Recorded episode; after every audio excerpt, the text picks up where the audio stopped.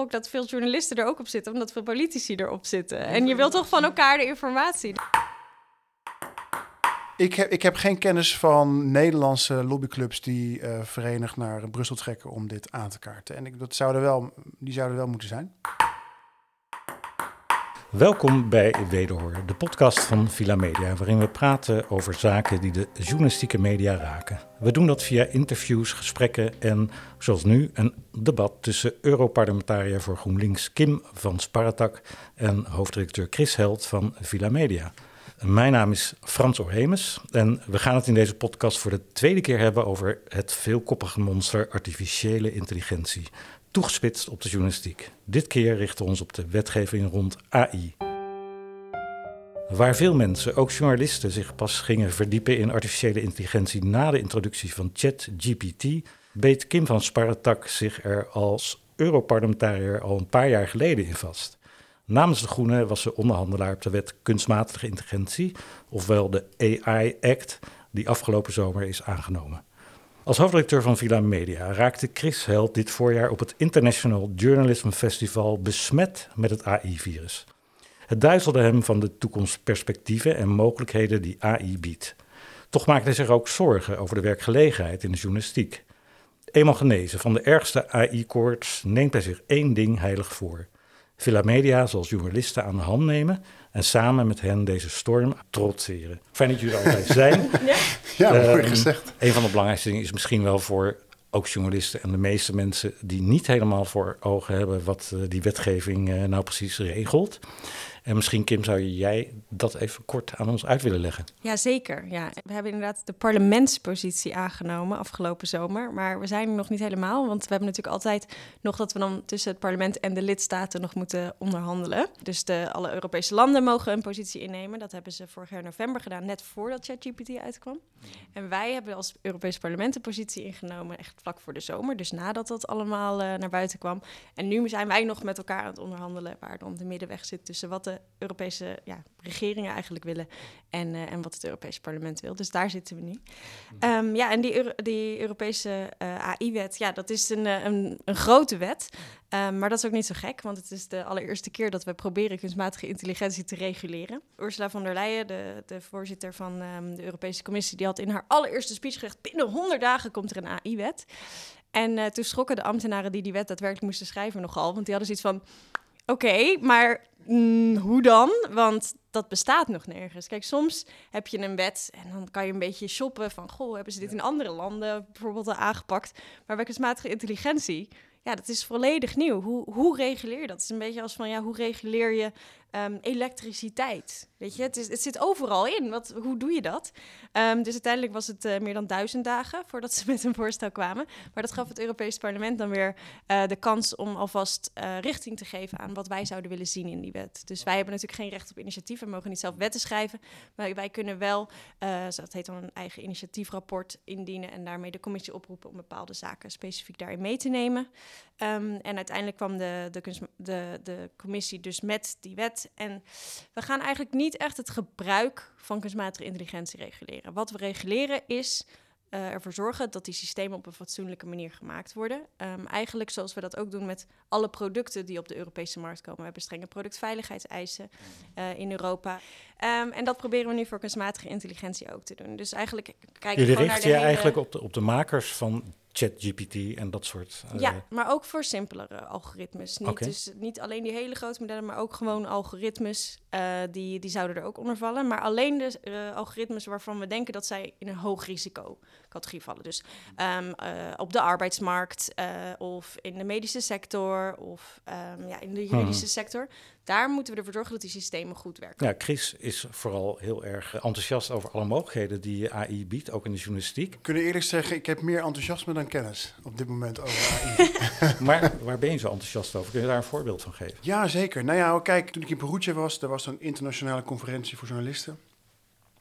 ChatGPT was een paar maanden op de markt. Um, en eigenlijk was iedereen erover eens dat ons vak gewoon echt radicaal gaat veranderen. En dan heb je, heb je het over uh, het trainen van datamodellen natuurlijk voor onderzoeksjournalisten. Maar ook over je schrijfvaardigheid. Er is nu een programma waardoor jij gewoon beter kunt schrijven dan je collega. En het, het, het, het, nam zelfs filosofische dimensies aan in die zin dat er een, een, een ouder heer van, van de BBC die durfde zelfs te stellen dat het concept van het artikel, het, het nieuwsartikel zoals we nu nieuwsartikelen gewend zijn, met een kop, een inleiding en een bodytext, dat uit volgens mij uit de 17e, 18e eeuw uh, vandaan komt, dat zelfs dat gaat veranderen door AI. Hij zei niet precies hoe, maar iedereen, iedereen snapt het. Ik moet daaraan toevoegen dat snel daarna ook iemand tegen mij zei dat het ook wel heel erg mens-eigen is om uh, op een soort kruispunt in de geschiedenis van de mens te willen staan. Weet je, je denkt van oké, nu gaat er zoiets veelomvattends veranderen. Hier moeten we bij zijn. Uh, maar goed, tot nu toe, ja, ik zeg terecht dat ik heb meer enthousiasme dan kennis, maar de dingen die ik zie zijn gewoon wel echt tof. Of het nou gaat om uh, AI-modellen die helpen bij fact-checken, AI-modellen die helpen bij de Panama Papers, of, of superhandige software waarmee je interviews automatisch gaat uitwerken. Mm. En dit is pas het begin. Um, en de hele spannende component, waardoor gelukkig mensen aan het werk zijn, we weten er nog heel weinig van. En het is uh, in potentie heel gevaarlijk en, en schadelijk. Wat ook wel weer daardoor heel erg aantrekkelijk wordt, want het is ook wel weer spannend. Maar AI kan dus eigenlijk een verhaal mooier maken, beter maken, maar ook factchecken. Hoe, hoe werkt dat in de praktijk? AI op dit moment is natuurlijk helemaal niet slim, het kan voorspellen. Dus wat je dan doet, je zegt, uh, heel plat hè, ik voer um, tien racistische leuzen in mijn laptop. Uh, en dan uh, pak ik een willekeurige tekst hier uit deze kast naast mij, die voeg ik erin. En als een van die tien leuzen inkomt, uh, dan, dan, dan zegt hij van... hé, hey, dit kan niet. Mm -hmm. Nou ja, zo werkt ongeveer die... Nou zeg ik, ik zeg waarschijnlijk verkeerd, maar even in de, in de nutshell, zo werkt mm -hmm. Ja, nee, duidelijk. Plus met, met de belangrijke toevoeging dat zo'n model zichzelf dan ook nog gaat trainen. Dus ja. het wordt steeds slimmer. Ja. En dat, daar, dat vind je aan de ene kant beangstigend. Aan de andere kant zie je dus ook dat het uh, heel veel mogelijkheden biedt. Ja, ja. kijk, dit voorbeeld is, is, uh, is niet zo heel beangstigend, omdat je weet nee. wat je het aan het voeren bent. Ja, Kim, als jij dit hoort, wat jullie aan het doen zijn hè, in de Europese Commissie en de Europese Raad om dingen te reguleren, dat kan dit soort experimenten ook wel misschien in de weg staan. Kijk, um, ik denk dat uh, als jij vindt dat transparant moet zijn over welke data je gebruikt en niet zomaar het hele in, het internet zonder dat je daar toestemming voor hebt gevraagd op bepaalde dingen waar bijvoorbeeld auteursrecht op zit um, in je systeem te doen. Als je dat vindt dat wij innovatie blokkeren, dan ja, dan doe ik dat. Maar ik vind zelf dat dat... ja, ja, goed, ik hoor alle, alle verhalen, hoor ik. Zeker van die grote ja. techlobby. Um, ik, ik denk dat wij um, de scherpe randjes van de gevaren van AI eraf halen. En ik denk dat dat heel verstandig is, want uh -huh. het is ontzettend groot. Er gebeurt een heleboel. Uh -huh. En het heeft potentie om gevaarlijk te worden bepaalde, in bepaalde opzichten. En ik vind dan zelf ChatGPT een van de meest interessante dingen. Dat is ook een van de grootste discussies die we nog hebben. Van gaan we dat echt reguleren? De techlobby wil dat absoluut niet. Nou, ik kan me voorstellen waarom, want er zit natuurlijk een heleboel geld achter. Um, maar, en ze hadden het ook voor elkaar gekregen in eerste instantie, dat er een meerderheid was tegen het reguleren van dat soort systemen. Um, dus echt systemen die dingen creëren. Um, en toen kwam je met ze voor elkaar gekregen? De grote techlobby. Die ja, hebben ja. eigenlijk van, van, nou ja, vanaf dat uh, Ursula von der Leyen had gezegd... er moet wetgeving komen, uh, hebben zij gezegd... ja, maar dit soort systemen, die noemen wij general purpose. Dus die kunnen voor alles gebruikt worden. Daarom kan je niet zeggen dat ze hoog risico zijn. Dus ze hoeven niet onder de wet te vallen. En dat klopt. Ja, ik bedoel, als uh, ChatGPT een recept maakt... ja, het, het ergste wat er kan gebeuren is dat het vies is denk uh -huh. ik. Ja. Um, maar um, ja, als ze, als ze worden gekoppeld aan een Russische trollfarm, ja, dan heb je -huh. wel een dik probleem. Ja. Um, dus wij zaten juist op, nou laten we het voorzorgsprincipe hanteren. Laten we ervoor zorgen dat die systemen in ieder geval niet met vol met onzin zitten en gehackt kunnen worden. Of, nou ja, zoals bij die uh, beeldgeneratiemodellen, uh, dat je op een gegeven moment overal Getty images zag als je bepaalde, um, uh, bepaalde celebrities zag. Dus, modellen, ja? Moet je even uitleggen misschien? Nou, dat zijn dat je gewoon kan intoetsen van, ik wil nu een foto van Leonardo DiCaprio. Oh, ja. Uh, in een, uh, weet ik veel, bamboehut of zo. Ja, um, met een en, rode pet op. Ja, precies. Ja, en dat kon je dan allemaal vragen, terwijl hij uh, iets, iets geks eet. Nee, ik weet niet. Maar um, dat, en dat zag je omdat ze dus blijkbaar Getty Images, wat gewoon, waar gewoon copyright op zit, hadden gebruikt om dat model mee te trainen. Zag je bij alles waar dan bijvoorbeeld Leonardo DiCaprio, ik weet niet zeker of hij nou een van die sterren was, maar er waren een aantal sterren die dat hadden, dat je dan Getty Images ook op het plaatje zag. Want dat had het systeem geleerd. Van okay. als ik deze celebrity moet laten zien, dan moet daar Getty Images bij staan. Gaan. Ehm, nou, dat soort zaken, dat is wel belangrijk dat we dat wel uh, reguleren. Dus uh, zowel voor het auteursrecht, maar ook ja, dus om ervoor te zorgen dat ze niet gehackt kunnen worden door, door mensen die er kwaad mee willen. Ja, duidelijk. En, en jij bent ook met die sector in gesprek gegaan, ook over Zeker. de ethische grenzen en normen. Als je dat op de journalistiek plakt, doen wij dat goed? Kijk, het voordeel is dat een dokter, ook als die AI gebruikt, als daar een verkeerde diagnose uitkomt, mm -hmm. dan is dat nog steeds de verantwoordelijkheid van de dokter. Um, en daardoor is het in de medische sector is het iets wat gewoon best wel goed werkt, omdat dat nou eenmaal zo is hoe het, -hmm. ja, hoe het hele medische systeem werkt. Je gebruikt het echt altijd alleen als hulpmiddel. Um, en ik ben eigenlijk wel benieuwd hoe, hoe jullie daar zelf naar kijken, want um, ik weet niet precies hoe, hoe de journalistieke code en AI er precies uitziet en of die er ook echt is. Ja, daar heeft Chris zich helemaal in verdiept. En er zijn ook al grote media die uh, eigen richtlijnen hebben opgesteld. Wil jij iets meer over vertellen? Ja, ik denk de, de consensus nu is dat de grote mediatitels zeggen van... het mag nooit het eindproduct leveren. Dus dat er sprake van de human in the loop. Ja. Uh, dat is natuurlijk heel goed om aan te geven. Uh, en ik zou bijna zeggen, helaas hebben we nog geen grote AI-ramp gehad binnen de journalistiek. Of we hebben het niet gezien. De grootste faux pas tot nu toe is... Uh, die foto bij de NOS. Ja, een van... foto van mm. penguins die uit Precies. een uh, stok, uh, van, van een stokleverancier kwam. De stokfotografie mm. zijn dus hele generatieve beelden. van penguins in die, in die klopte niet. En dat hebben ze verkeerd bekeken en daar een grote mea culpa. Alleen... Um, ja, het zou ook kunnen dat heel veel dingen nu spelen die we nog niet goed in de smiezen hebben. En ja, natuurlijk ben ik voor die guidelines, hè, die AI-richtlijnen. Uh, ze, geven, ze, ze, bieden transparantie aan je gebruiker en je lezer. Van let op, wij doen dit niet. Alleen, um, het is zo'n uh, het is zo'n black box dat je gewoon niet weet uh, wat er op dit moment gebeurt, hoe het wordt toegepast.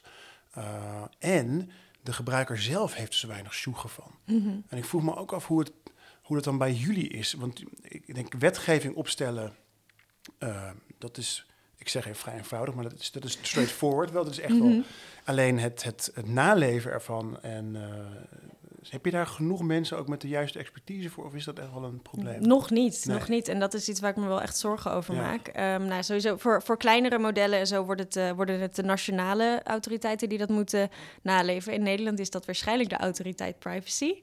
Nou, we weten allemaal dat die uh, al totaal onbemand is en ondergefinancierd. Dus dat is best wel spannend. Ik hoop echt dat de nieuwe uh, Tweede Kamer uh, daar wat meer bovenop gaat zitten. Um, want er komt gewoon ook naast de AI-wet ook de Digital Services Act. is ook een nieuwe internetwetgeving waar, waar ook nationale overheden meer op moeten zitten. Dus daar is gewoon meer capaciteit nodig. Maar ook in Europa Um, ja, is er best wel nog wat discussie gaande van wie moet er nou over gaan en moeten we dat allemaal lostrekken van elkaar. En het lijkt mij ontzettend onwenselijk. We hebben voor alle, we, we hebben heel veel nieuwe wetgeving, digitale wetgeving in Europa. En dan willen we zeggen, ja, voor deze moeten we dan een speciale autoriteit hebben die echt de AI-wet gaat naleven. Maar de commissie gaat de Digital Services Act, dus de nieuwe internetwetgeving naleven. Terwijl we hebben voor allemaal dezelfde experts nodig die gewoon die mega grote algoritmes snappen.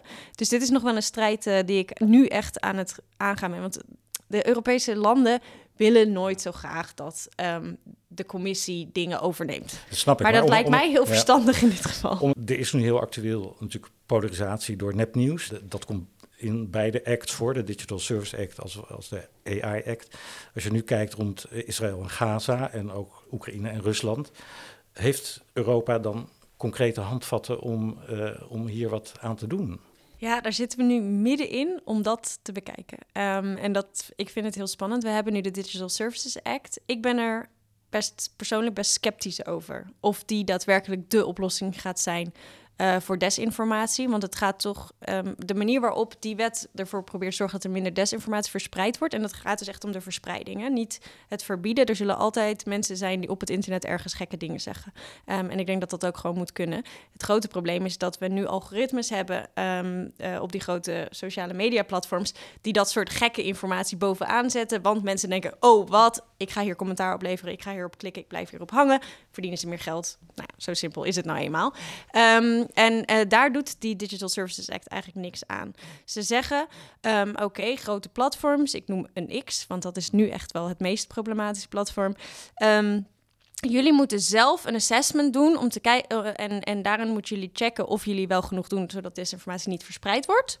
En ehm, dat moeten jullie dan ook laten checken door een grote consultancy. En dan gaat de commissie kijken of dat genoeg is. Ehm, maar ja, we zitten nu dus officieel moet uh, X zich dus nu al aan die wet houden. Dat is sinds augustus het geval. En nu zie je dus dat de commissaris zegt: um, Ja, je, er, gebeurt wel, er zit wel veel desinformatie op je, platform. Um, we hebben daar nu vragen over en ga die maar beantwoorden. Terwijl. Elon Musk zegt vervolgens. Uh, nee, nou, het schijnt. Gisteren gister las ik op X typisch, uh, dat hij dat hij geantwoord heeft. Oké. En dat we, maar daarop, daarop volgen dan weer andere antwoorden. Maar ondertussen gebeurt er niks. En het is echt afschuwelijk hoe ontzettend veel desinformatie er rondgaat. Ja. En ook uh, hoeveel bots daar dan weer aan gekoppeld zijn om het nog verder te verspreiden. Dus ik maak me er wel echt zorgen over. Maar Kim, wat, wat, wat zou jij dan ons journalisten adviseren met betrekking tot X? Vind wel een goed voorbeeld. Hmm.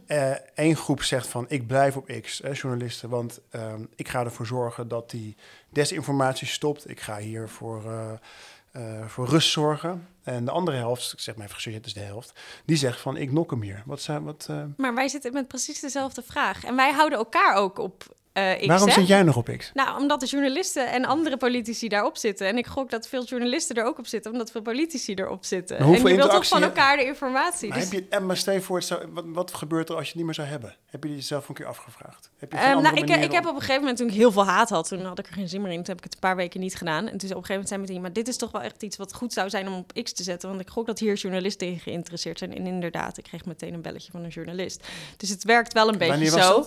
God, dat was een paar, oh, was al een aantal jaar geleden. Oh, Ja, maar, maar dat ik wel dacht, van, dat was nog Twitter dan. Maar dat ik echt, uh, het werkt wel. Je houdt het in elkaar, met, bij elkaar in stand. En dat, dat heet het netwerkeffect. Ja. Um, en dat is uh, een van de dingen die die grote platforms het allerslimste hebben gedaan je wil er niet vanaf, want nou ja, in mijn geval is het dus professioneel, maar of, of, uh, of van je, je gaat je vrienden missen, uh, dat soort zaken. Maar en daar hebben we andere wetgeving weer voor, die, uh, er nou, die, waarvan we hopen dat je dan dus um, ervoor moet zorgen dat, dat je dat mee kan nemen op een gegeven moment. Dat je dus je vrienden mee kan nemen naar een ander platform. Maar dat is nog toekomstmuziek. Maar Chris, jij bent van Twitter afgegaan. Ja, ja. Ik word niet gemist. Kan ook hele andere redenen hebben. Maar mis je het zelf? nee, absoluut niet. Hey. Ik, en nee, en ik herhaal het ook. Ik vind het ook echt... Ik zou bijna zeggen, als je er nog actief op zit in, in dezelfde hoedanigheid als vijf jaar geleden, dan kan ik je bijna niet meer serieus nemen. Sorry. Ik, het is zo'n debiel platform geworden. En uh, um, je zult misschien ook zien als jij een keer iets tweet, dan zie je impressies, hoe vaak die tweet gelezen wordt. Nou, dat is echt, dat, is, dat kun je gewoon verwaarlozen. Het gaat alleen nog maar om die things verkopen en dan de discussie onder jouw posts aanzwingen. Daar krijg je zelfs voor betaald. Dus ik zou bijna zeggen, ja, een Europarlementariër zou ook het goede voorbeeld kunnen nemen. En dan zeg ja, ik, heb, ik, heb, ik, heb, ik had van de week een gesprek met uh, iemand die uh, voor de commissaris uh, Thierry Breton, die dus mm -hmm, over de ja. DSA gaat. En ik zei, kunnen we niet gewoon een keertje met z'n allen samenkomen? Dan doen we gewoon alle leiders van alle politieke fracties, alle eurocommissarissen, dat we gewoon met z'n allen zeggen, wij gaan nu met z'n allen naar dit andere platform. Kan ja. dat niet gewoon? Ja. ja. Maar, maar dat is gewoon iets van, Mm, dat, ik weet niet, dat komt bij mensen gewoon totaal niet als een überhaupt een optie van. Nee, maar, nee, maar ik heb nu toch 20.000 volgers. Zeg maar dit. Nou ja, en volgens mij Thierry Breton heeft 150.000 of zo. Maar ik vind dat wel. Ja, het, het, het is een fascinerend iets, maar, maar het is ook zo bijzonder hoe wij ja. dus zo afhankelijk zijn geworden. Of in ieder geval het idee hebben gekregen dat wij afhankelijk zijn van een platform waarvan iedereen zegt. Maar de context verdwijnt altijd, want je hebt niet genoeg ruimte. En ja. toch hebben we allemaal, we moeten daarop zitten. Ja, zelfs de Europese Commissie is gewoon gegijzeld. Iedereen. Dat is toch, nou ja. Maar dat laat wel zien dat het belangrijk is dat we die macht ja. een beetje impact. Ja, maar dat is het ding, hè? Want ook wat er op Twitter speelt, speelt. Hm. In de club mensen die bepaalt wat er speelt. Precies. En bij de meeste mensen hebben zoiets van. Pff. Maar goed, even terug naar, naar nepnieuws. Um, speelt nepnieuws eigenlijk ook niet journalistiek in de kaart? Um, omdat de consumenten uiteindelijk gewoon moe worden van nepnieuws en wel inzien dat ze gewoon bij kwaliteitsmedia moeten zijn om ja, de waarheid, of zover die mogelijk is, uh, tot zich te nemen. Ja, dat hoop je. Ja. Tuurlijk hoop je dat. Maar, maar ik, ik, ook als ik, ik heb laatst ook um, twee jongens gesproken, uh, Stijn van NRC en, en Laurens Verhaar van de Volkskrant. En die, die mm -hmm. Allebei denken, AI specialisten op hun redactie. Ja. ja. Alleen ik, mijn wedervraag is dan, ja, boeit dat de gemiddelde lezer echt? Wat, wat heeft hij over voor, voor waarheidsvinding? Ik bedoel, Het is ook zo'n emotioneel ding geworden, nieuws lezen. Als je, zodra je maar bevestigd raakt van jouw mening in iets, of, of je overtuiging, of je. Uh, ja, dan, dan ben je eigenlijk al verzadigd. Dan denk je, dan ga je nog een keer checken, maar wacht eventjes. Ik krijg nu wel gelijk, maar klopt deze site wel? Hmm. Ja, dus ik hoop het wel. Ik, ik, ik help het ze hopen, maar... Uh... Ja, hoe kijk jij daar naar, uh, Kim? Ja, ik, ik, ik, hoop het ook. Um, en, en het is wel iets natuurlijk waar ja, uh, ik denk dat dat ook een deel is van of je, of je bijvoorbeeld dat hebt geleerd op een gegeven moment in je leven. Dat je niet zomaar moet aannemen wat er, wat er online staat. Ehm, en ik denk, ik vind het wel interessant om te merken dat dat per generatie ook een beetje verschilt. Um, ik, ben, ik zat net op de middelbare school toen Wikipedia groot werd. En ik was nog net de laatste generatie die Wikipedia kon copy-pasten zonder dat iemand het doorhad. Ja. Um, en, en we hebben nu natuurlijk weer een nieuwe generatie die dat bij ChatGPT heeft. En maar ik denk dat er zit daar net een generatie onder die dat ja, net niet heeft meegekregen. Dus ik ben wel, ik ben wel eigenlijk heel benieuwd hoe, hoe dat ook verschilt per generatie. Want ik denk nu dat inderdaad scholieren al leren... oh ja, als jij ChatGPT gebruikt, maar er staat onzin in... dan heb je echt een dik probleem. Ja. Um, dus, um, dat gaat ook voor een krant.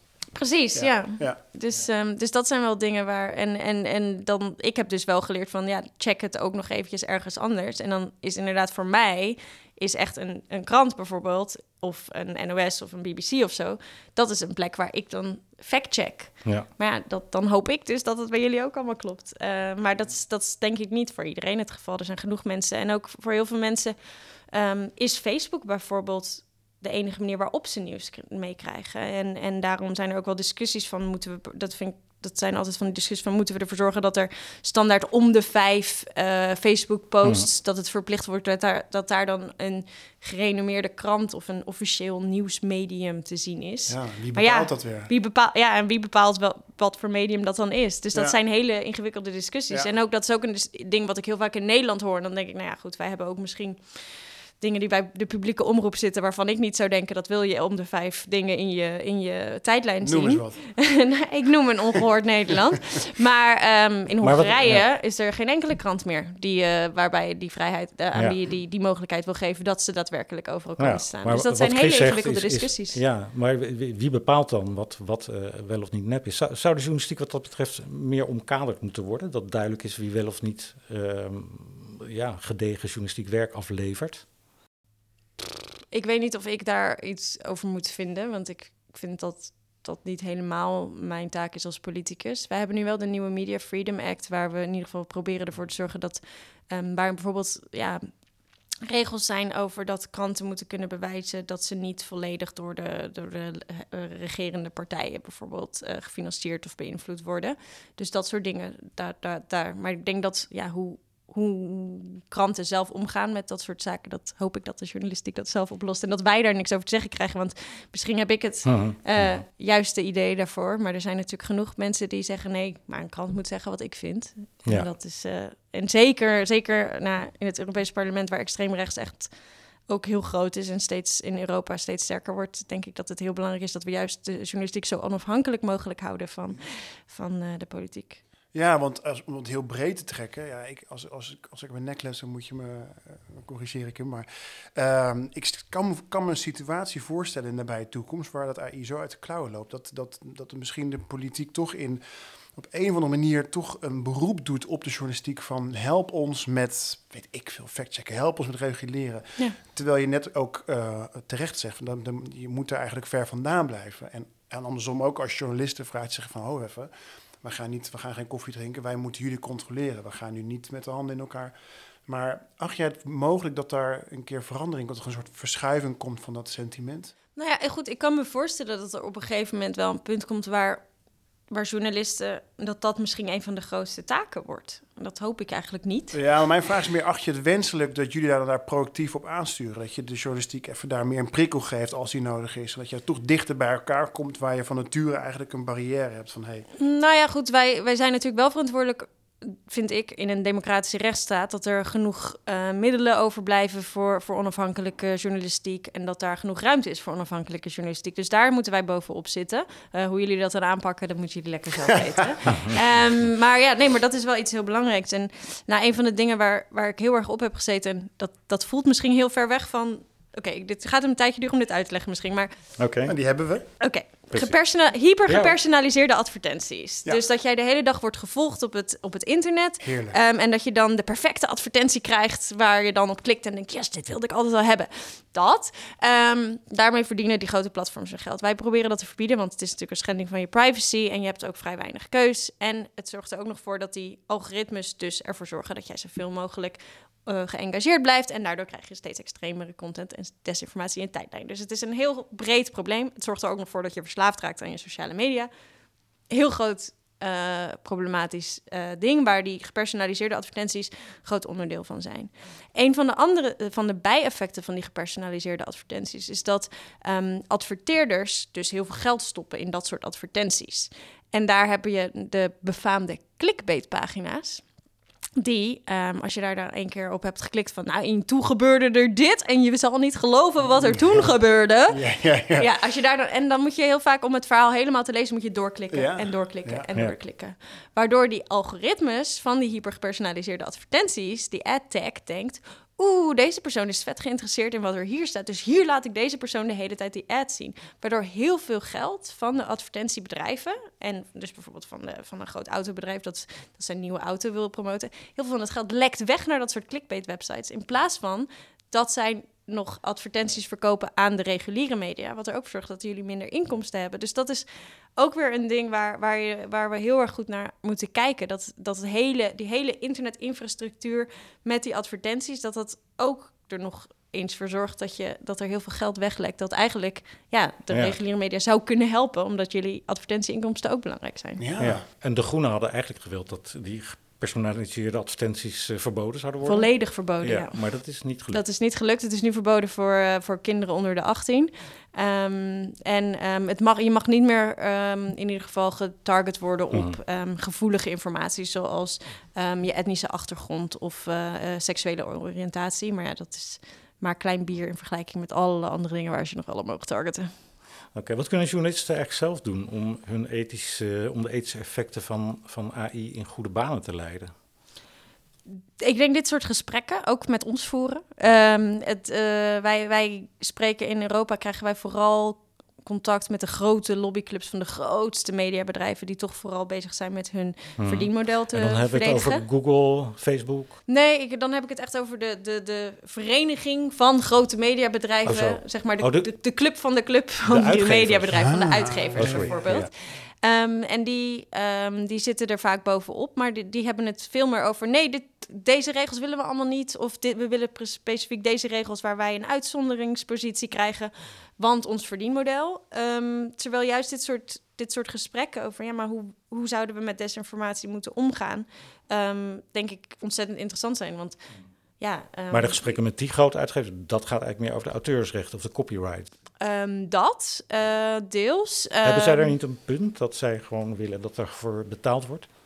Ja, eh, maar ja, het ding is, het, je mag al geen eh, auteursrecht schenden in Europa. Daar hebben we gewoon wetten voor. Mhm. Dus je mag al niet zomaar al die, systeem, eh, al die informatie in jouw systeem stoppen als je dat wil, als je AI aan het trainen bent. Ehm, maar het Maar probleem het is, gebeurt. het gebeurt, Ja. denken we. Maar we weten het niet. En daarom is de eerste stap van gewoon transparantie krijgen zo belangrijk. Want dan kan je in ieder geval je recht behalen als jouw auteursrecht geschonden is. En nu hebben we geen idee. Maar als jij een artikel eh, door ChatGPT ge, ge, ge- gemaakt eh, informatie tegenkomt dat achter een betaalmuur staat, die achter een betaalmuur staat, dan weet je eigenlijk dat het eh, onrechtmatig is verkregen. Of mag je dat zo niet Ja, één bewijs dat één? maar eens. Oké. Want dan gaat waarschijnlijk, eh, eh, gaan ze nu nog zeggen van, oh ja, maar dat is bedrijfsgeheim. Ja. En daarom moeten we dit openbrengen. Daarom is transparantie zo belangrijk. En daarom klinkt ik voel, het voelt altijd van, wij zorgen voor transparantie. Dat klinkt altijd zo van, woehoe, well done.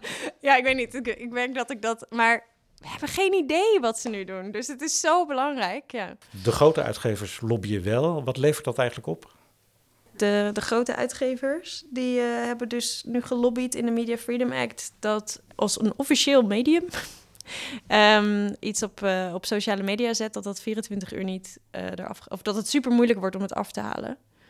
Ehm, wat natuurlijk super lastig is, want inderdaad, ongehoord Nederland is er ook één. Het mag dan dus gewoon niet meer afgehaald worden door sociale media. Door die, door die social media bedrijven zelf niet. Nee. Pas na 30 dagen na een heel conclave en gedoe. Hè, Ja. Dat is wel interessant.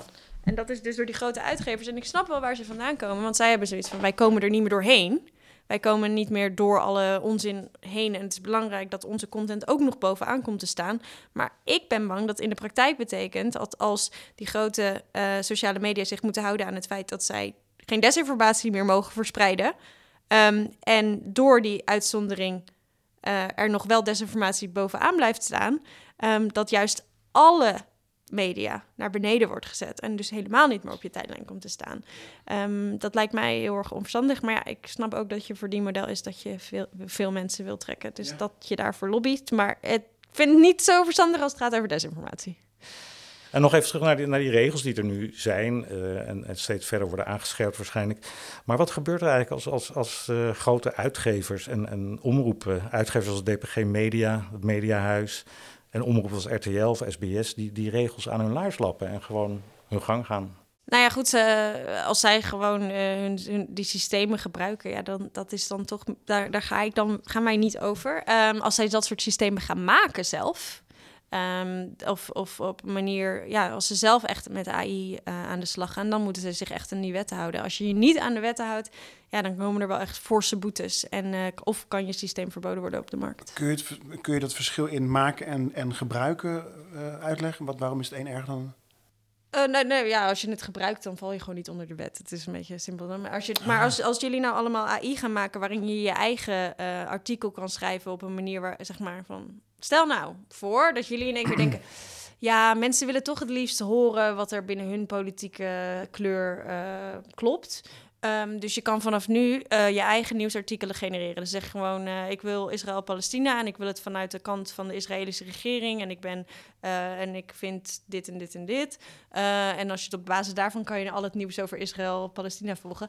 Dat lijkt me best, lijkt me geen goed idee trouwens. Maar ehm, dan moet je je aan de wet houden. En dan moet je ervoor zorgen dat daar in ieder geval geen desinformatie in staat. Ja, ja, ja. Ja, Nou ja, jij, jij- in je mooie inleiding zei je al dat wij een baken willen zijn via de media zijnde. Het Ja. vakblad voor journalisten in deze knotsgekke... Ik vind dit trouwens een heel eng ding. Ik hoop niet dat ik iemand hiermee op een idee gebracht heb. Het lijkt me echt heel erg een heel erg slecht idee. Het wordt as we speak gebouwd, denk ik. Ja. Waarschijnlijk wel, ja. Maar, maar, maar ik, ik wil dus... Het is, het is, ik, ik heb gemerkt, het is, het is heel makkelijk mensen bang te maken. Weet je, om op uiterste te, be- te, te bewegen en te Ja. zeggen van... eh, dit is, deze dystopie krijg je morgen en dit en dat. Terwijl ik meer zoiets heb, dat is misschien ook naïef van... Gebruik gewoon wat er is. Ga overal mee spelen. Gebruik dat ook gewoon. En geen terughoudendheid. Geef je me erin gelijk? Of zeg je ook in, en nogmaals, in het geval van ChatGPT, nou, wacht eventjes af. En Nee, gebruik het. Ik, eh, ik heb het zelf ook al wel eens gebruikt toen ik eh, een paar goede slogans moest bedenken. Oh ja? voor, voor, een, voor een protest. En ik dacht, goh, ik, eh, ik kan niks nieuws bedenken. Ik ga het ook, ja, weet je, gebruik het zeker. Maar ja, wees, er, wees je ervan bewust Ja. dat, dat, het niet allemaal, dat het vaak niet allemaal klopt. Dat sommige dingen misschien zijn gemaakt met gestolen content, wat niet heel erg sympathiek is. Ehm, maar ja, zeker. Ik, ik, vind ik, ik ben ook niet echt. Ik vind niet echt dat je dingen niet moet gebruiken ehm, als het je kan helpen. Ehm, ondanks dat we nog niet helemaal Mhm. de regels hebben. Wat wij vooral proberen te doen is inderdaad die dystopische kanten daarvan af te, af te krijgen. En, ehm, en dat hoop ik dat dat ook, eh, ook echt gaat lukken. En vooral dat we die grote modellen dus kunnen reguleren. Want daar, daar zit de techlobby nog steeds bovenop. En de grote lidstaten willen dat ook opeens niet meer.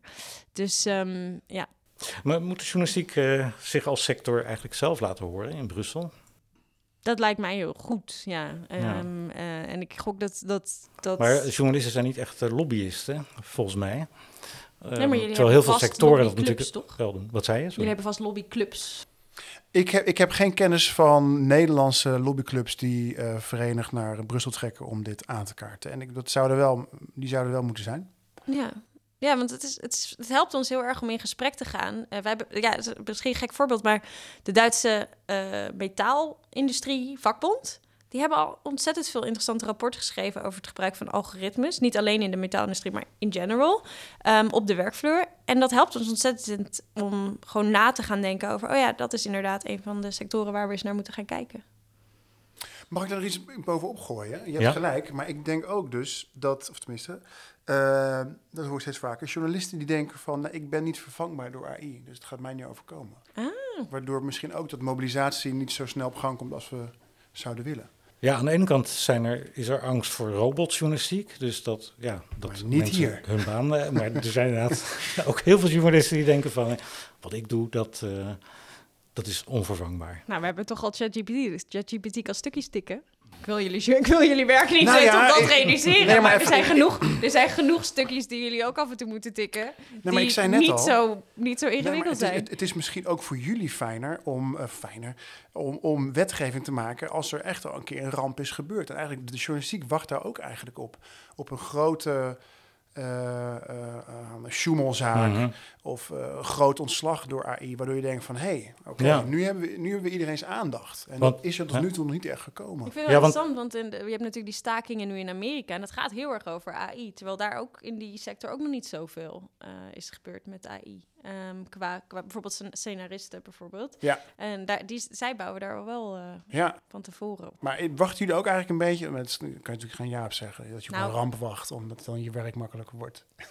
Nou, nee, maar ik kan je wel vertellen dat het feit dat ChatGPT uitkwam, zoals ik al zei, we hadden totaal geen meerderheid in het Europese parlement om dat soort modellen te reguleren. De commissie wilde het niet, de raad wilde het niet. Ehm, en toen kwam ChatGPT uit. En toen was, nou ja, de kranten stonden er vol mee. En zat, zat, nou ja, was ik, in plaats van dat ik me zeggen, dat kan toch niet, het kan gevaarlijk zijn, laten we nou voorzichtig zijn. Echt, echt al die pleidooien die ik hield tijdens die onderhandelingen, die gewoon tijd zo van, ja, maar innovatie meer.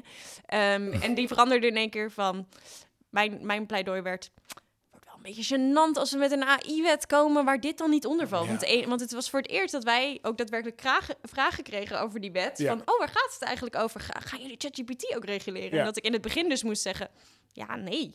Ja. Ehm, dus nu hoefde ik alleen maar te zeggen, het is een beetje gênant als dat er niet onder valt, hè? En toen in één keer hadden we het hele parlement mee. Ehm, dus ja, wat er gebeurt in de echte wereld helpt ontzettend. Eh, maar nee, laten we gewoon geen rampen hebben. Dat lijkt me überhaupt dat lijkt me geen goed idee. Ik heb een wilde vraag. Mag dat? Mag. Ja, ga je gang. Want ik kan me een eh, recent artikel van jou, of interview van- met jou in de Volkskrant herinneren. Je hebt bijvoorbeeld, ja, Over precies. verslavende ja, en ontwerp, dat, dat ja. video's niet automatisch achter elkaar zouden moeten starten. Dat, Dat, eh, dat de fabrieksinstellingen niet zo zouden moeten zijn ingericht dat je de rode ziet. Klopt dat bij dingen? Ja. Ik kan me voorstellen dat op een gegeven moment eh, vanuit Brussel misschien een, een oproep komt aan de van journalistiek. Van hey, journalisten, laat ze niet met ChatGPT klooien. Laat ze niet met zoekmachines die AI gebruiken klooien. Of kom je dan weer terug bij de gebruikers? Daar gaan wij niet over. Wij gaan over de Nou, ik- makers. Ik, maar, eh, maar ik kan hem, het is een leuke vraag, maar ik kan me niet voorstellen. Want ook in, zelfs in, in het voorstel waarvan ik zeg, ja, het is best wel gevaarlijk ehm, dat, dat die apps en telefoons zo verslavend zijn tegenwoordig. ehm, zeg ik, het moet zo zijn dat het niet de standaard is. Ehm, en ik hoop ook dat binnen de journalistiek ChatGPT niet de standaard is. En ook misschien niet wordt, maar dat jullie ook nog gewoon zelf mooie dingen kunnen schrijven. Want Ja. toch, kijk, het is ook. Kijk, soms, ik weet niet hoor, maar eh, soms gewoon eh, lekker de krant lezen en dan soms dan is het gewoon ook zo mooi en fijn geschreven. En ik denk toch dat uiteindelijk ChatGPT schrijft toch alles een beetje in eenzelfde stijl, anders, al tenzij je het echt vraagt. Nee, dat vinden wij als journalisten natuurlijk heel fijn om, om te horen wat jij. Nog even Maar, terug naar, ja. naar die richtlijnen. Want jij hebt dus met de medische sector gesproken. Chris heeft net uitgelegd wat, wat eh, ongeveer de richtlijnen zijn van de journalistiek. Het belangrijkste is wat mij betreft, dat tenminste die erg in het oog springt, is, is dat er altijd een mens aan het begin moet staan van Ja. een product. Eh, dan mag AI eh, ingezet en daarna moet er weer een mens kijken naar ehm, eh, of het allemaal klopt. Vind je dat bijvoorbeeld een Nou, dat is dus best wel in lijn met hoe we eigenlijk deze wet proberen te maken. Ja. Ja. Weet je, dat, dat het echt altijd een hulpmiddel blijft. En dat, dat lijkt mij heel verstandig. Want, ehm, want dat betekent als het altijd een hulpmiddel is, heb je nog altijd iemand die daar ook over nadenkt. Dat heeft wel één groot probleem. En dat is dat wij psychologisch als mensen schijnbaar niet zo goed zijn in te denken dat een computer het fout heeft. Ehm, Dat is de eh, bias waar je het over had. ja, precies. Ja. Dat is, de, dat is de, de menselijke bias naar computers. Oh, god, de computer heeft... Het zal dan wel. Ehm, dat is nog wel een ding waar we, waar we onszelf meer moeten trainen als ja, mensen. dat is in de journalistiek en ook in de medische sector kan dat natuurlijk eh, fataal zijn. Oké, nog heel even als laatste onderwerp wat mij betreft. Ehm, de auteursrechten of de copyright, zoals Mhm. jullie dat noemen in Europa. Ehm, ja, dat is natuurlijk wel een punt van zorg voor die journalistiek. Is daar iets in geregeld in die beide acts daarover? Ehm, nou goed, eh, we hebben de Copyright Directive. Dat is weer een andere wet. En Ja. daarin staat in principe staat gewoon uitgelegd hoe je eh, met eh, auteursrecht materiaal moet omgaan. En in principe geldt dat dus ook gewoon ehm, binnen de AI-wet. Dus ehm, ja, je mag niet het, het auteursrecht schenden. Ook niet bij het trainen van AI-modellen en daarom heb je dus die transparantie nodig. Dat is gewoon, uh, gewoon heel belangrijk. Um, en um, ja, dat is wel een van de dingen waar, waar we ook nog discussie over hebben gehad. Want er is op een gegeven moment was er echt een voorstel van... oh ja, laten we er dan voor zorgen dat elk datapunt altijd gecheckt moet worden op auteursrecht... voordat je het erin doet en zo. Maar ja, nou ja, ik hoor je, ja, precies. Ja, hoe dan? Ja. Hoe dan? Ja, dat zeg ik. Het is, het is, makkelijk. Het is ook nobel om het te zeggen, maar ga het maar eens nalezen. Ja, het is. Precies. Maar dus, dat is dus ook dat, de, de, dat teruggaan van ja, dan zet er gewoon een disclaimer erbij. Er een disclaimer bij van dit is door uh, AI gemaakt. En op een gegeven moment boeit. Ik denk als mijn dochters opgroeien in een wereld vol disclaimers, dit is met AI gemaakt, die weten niet beter. Dan denk ik van whatever. Nou en. Ja. Dus ik vind dat toch, ik vind het niet toereikend. Uh, ik heb een heel stom obligaat, het obligaat ChatGPT-grapje uitgehaald natuurlijk. -huh. En ik heb ChatGPT gevraagd, dit gaat, dit gaat over de AI, maar kan ook over de, de DSE, DSA kunnen gaan. -huh. Ik vroeg hem, haar, hem, het, uh, om een samenvatting te maken. Hen. Van de AI-wet? Ja, en oh. ChatGPT zei van, dat kan ik niet, want ik ben maar tot 2021 gevuld of zoiets. En toen vroeg ik van, maar kun je dan wel uh, een soort slim uh, verweer op, het, uh, op die act vanuit het perspectief van een journalist of waarom het juist goed is? En toen was best interessant dat die, en dat wil ik snel voorlezen, want ChatGPT zegt voor journalisten biedt AI kansen en uitdaging. Ehm, de wetgeving kan de journalistiek helpen door transparantie, bescherming van de vrijheid van meningsuiten, aansprakelijkheidseisen. Uh, tegelijkertijd kunnen er zorgen zijn over mogelijk censuur, privacy kwesties, technische uitdagingen. Nou, nog niet heel spannend. Journalisten moeten de ontwikkelingen rond de Europese AI-act en ook de DSA natuurlijk volgen. En toen werd interessant en actief deelnemen aan het vormgeven van het wettelijke kader om ervoor te zorgen dat de belangen van de journalistiek worden beschermd. Gebeurt dat op dit moment? Nou ja, er zijn wel interessante kwesties. Want inderdaad, nou ja, privacy hebben we het nog niet zoveel over gehad. Maar dat is natuurlijk een van de grote zorgen die we hebben bij AI. Dat er inderdaad overal slimme camera's komen. Dat je overal maar gevolgd kan worden. Um, en, en dat is natuurlijk een van de dingen die zeker voor journalisten die in, in, nou ja, in, in minder um, vriendelijke plekken dan, uh, dan Nederland, waar het natuurlijk ook al minder vriendelijk wordt, maar echt nog niet te vergelijken is als in andere, sommige, sommige andere landen. Um, dat het wel heel belangrijk is dat we juist dat ook in ogenschouw houden. En dat is wel altijd een van de argumenten die we veel gebruiken. Van ja, maar stel je nou voor, je bent een journalist in, uh, in Servië, daar worden dus vaak van dat soort biometrische camera's al gebruikt. En je, je, bent, uh, je schrijft meer over de oppositie richting mm -hmm. de regering. Ja. En dan weet de, weet de regering precies waar je bent en kan je zomaar blokkeren om ergens naartoe te gaan. Um, of weet dat jij op een demonstratie bent geweest, bijvoorbeeld. Nou, dat zijn wel zaken waar we, waar we juist inderdaad heel vaak het argument van de journalist in ieder geval gebruiken. Ja, maar zijn waar we stuur... ook in gesprek gaan met journalisten. Ja, er zijn stuurvakgroepen bij jullie die echt journalisten uitnodigen van... Ja. Hey, kom, oké, okay, okay. Is het ja. gebeurd ook met Nederlandse journalisten? Kun je dat titels noemen? Of is dat... Dat weet ik niet. Het nee. zijn vaak van de, de, zeg maar de journalistenrechtenclubs die dan ah, ja, bijvoorbeeld okay. ja, voor ja. Journal, ja, mediavrijheidsclubs ja. en zo die dan uh, naar ons komen met dat soort verhalen. Ja. Oh, mooi. We, hebben, we zijn er nu heel druk mee bezig. Uh, niet alleen journalisten, maar iedereen eigenlijk. Uh, hoe, hoe, kijken we over tien jaar naar, of over vijftig jaar, naar AI? Hebben we het dan gewoon helemaal geïncorporeerd? Of um, ja, of hebben het uh, afgestoten? Ik ga gewoon mijn hoop doen. Want mijn hoop is dat deze wet um, een eerste stap is naar fatsoenlijke regelgeving. Um, dat we in ieder geval de scherpe kantjes eraf halen. Um, dat we in ieder geval ervoor zorgen dat, de, dat nou ja, kunstmatige intelligentie ethisch wordt gemaakt en hopelijk ook gebruikt. en dat de volgende stap, uh, uh, is dat we ook het gebruik ervan gaan reguleren. En um, de, de, eerste discussies zijn er nu over gaande. Hoe, hoe reguleren we het gebruik van algoritmes en algoritmisch management mm. eigenlijk uh, op de werkvloer? Mm. Um, en dat is ook, denk ik, heel relevant. Want het gaat bijvoorbeeld ook over in hoeverre mag jouw manager um, uh, bijhouden hoeveel vingeraanslagen jij doet per minuut, hoe efficiënt je bent in het schrijven van een e-mail of een artikel. Um, maar ook, nou ja, hoe, uh, dat is een van de dingen die voor callcenters al wordt gebruikt. Hoe, hoe blij klink jij um, uh, als je met een klant praat en of dat dan meegenomen mag worden in je evaluatierapport. Ja. Um, dus dit is stap 1, oh, is hoe ja. wordt het gemaakt? Stap 2 wordt hoe gaan we het gebruiken? En ik denk dat de arbeidsmarkt daar eigenlijk wel een van de eerste stappen wordt. En dat wordt super interessant. En ik hoop echt dat we daar dan ook maatschappelijke discussies over krijgen. Want dat ja. hebben we ontzettend nodig om want, want ja, wij zijn echt, wij staan echt, weet je, je staan inderdaad op dat kruispunt van een nieuwe ja. toekomst. Maar ja, Dus Eh, wij weten wel. ook niet precies wat, wat, wat er allemaal gaat gebeuren. Dus wij willen heel graag juist in gesprek met mensen in de maatschappij van... Goh, hoe, hoe kijken jullie ernaar? En, ehm, Ja. en dat is een van de dingen waarvan ik heel erg hoop dat we daar meer discussie over gaan hebben. Niet alleen maar over, oeh, kijk wat voor coole dingen ChatGPT kan. Of oeh, hoe eng kan dat Ja. zijn? Oeh, is dit het einde van de wereld? Maar juist die hele praktische dingen die nu al gebeuren... Ehm, en ook niet altijd op mijn juiste manier. Nou, hoe gaan we daarmee om? Dat Ja. wordt, de, wordt de komende tien jaar wordt dat wel een beetje, ja, ofwel gaat dat in een goede, goede kant op, of wij worden allemaal gerobotiseerd. En, dat is, eh, en dan duidelijk. worden we dus geen robots en worden ook niet vervangen door robots per se, Maar wat? maar wel gerobotiseerd. Dus dan wordt het gewoon van, ja, jouw collega die, eh, die, tip, die eh, tikt eh, tien eh, aanslagen meer eh, Ja. per minuut. Dus eh Oké. doei. Dus ga jij je zo gedragen over tien jaar eh, als hoofdredacteur, eh, Chris? Of ik wat ga doen? Ga jij je zo gedragen dat je jouw redacteuren eh, gaat checken? Ga je ze- AI gebruiken om... Oftewel, eh, mijn in- vraag is eigenlijk hoe je eh, over tien jaar Ja. kijkt naar AI in de journalistiek. Nou, ik verwacht echt een, echt een gigantische uitverschuiving. Echt. Eh, ik, ik- hoe het precies zal gaan, weet ik niet. Maar het grootste gevaar schuilt er denk ik in dat we, dat we ons snel, dat we snel aan dingen zullen wennen.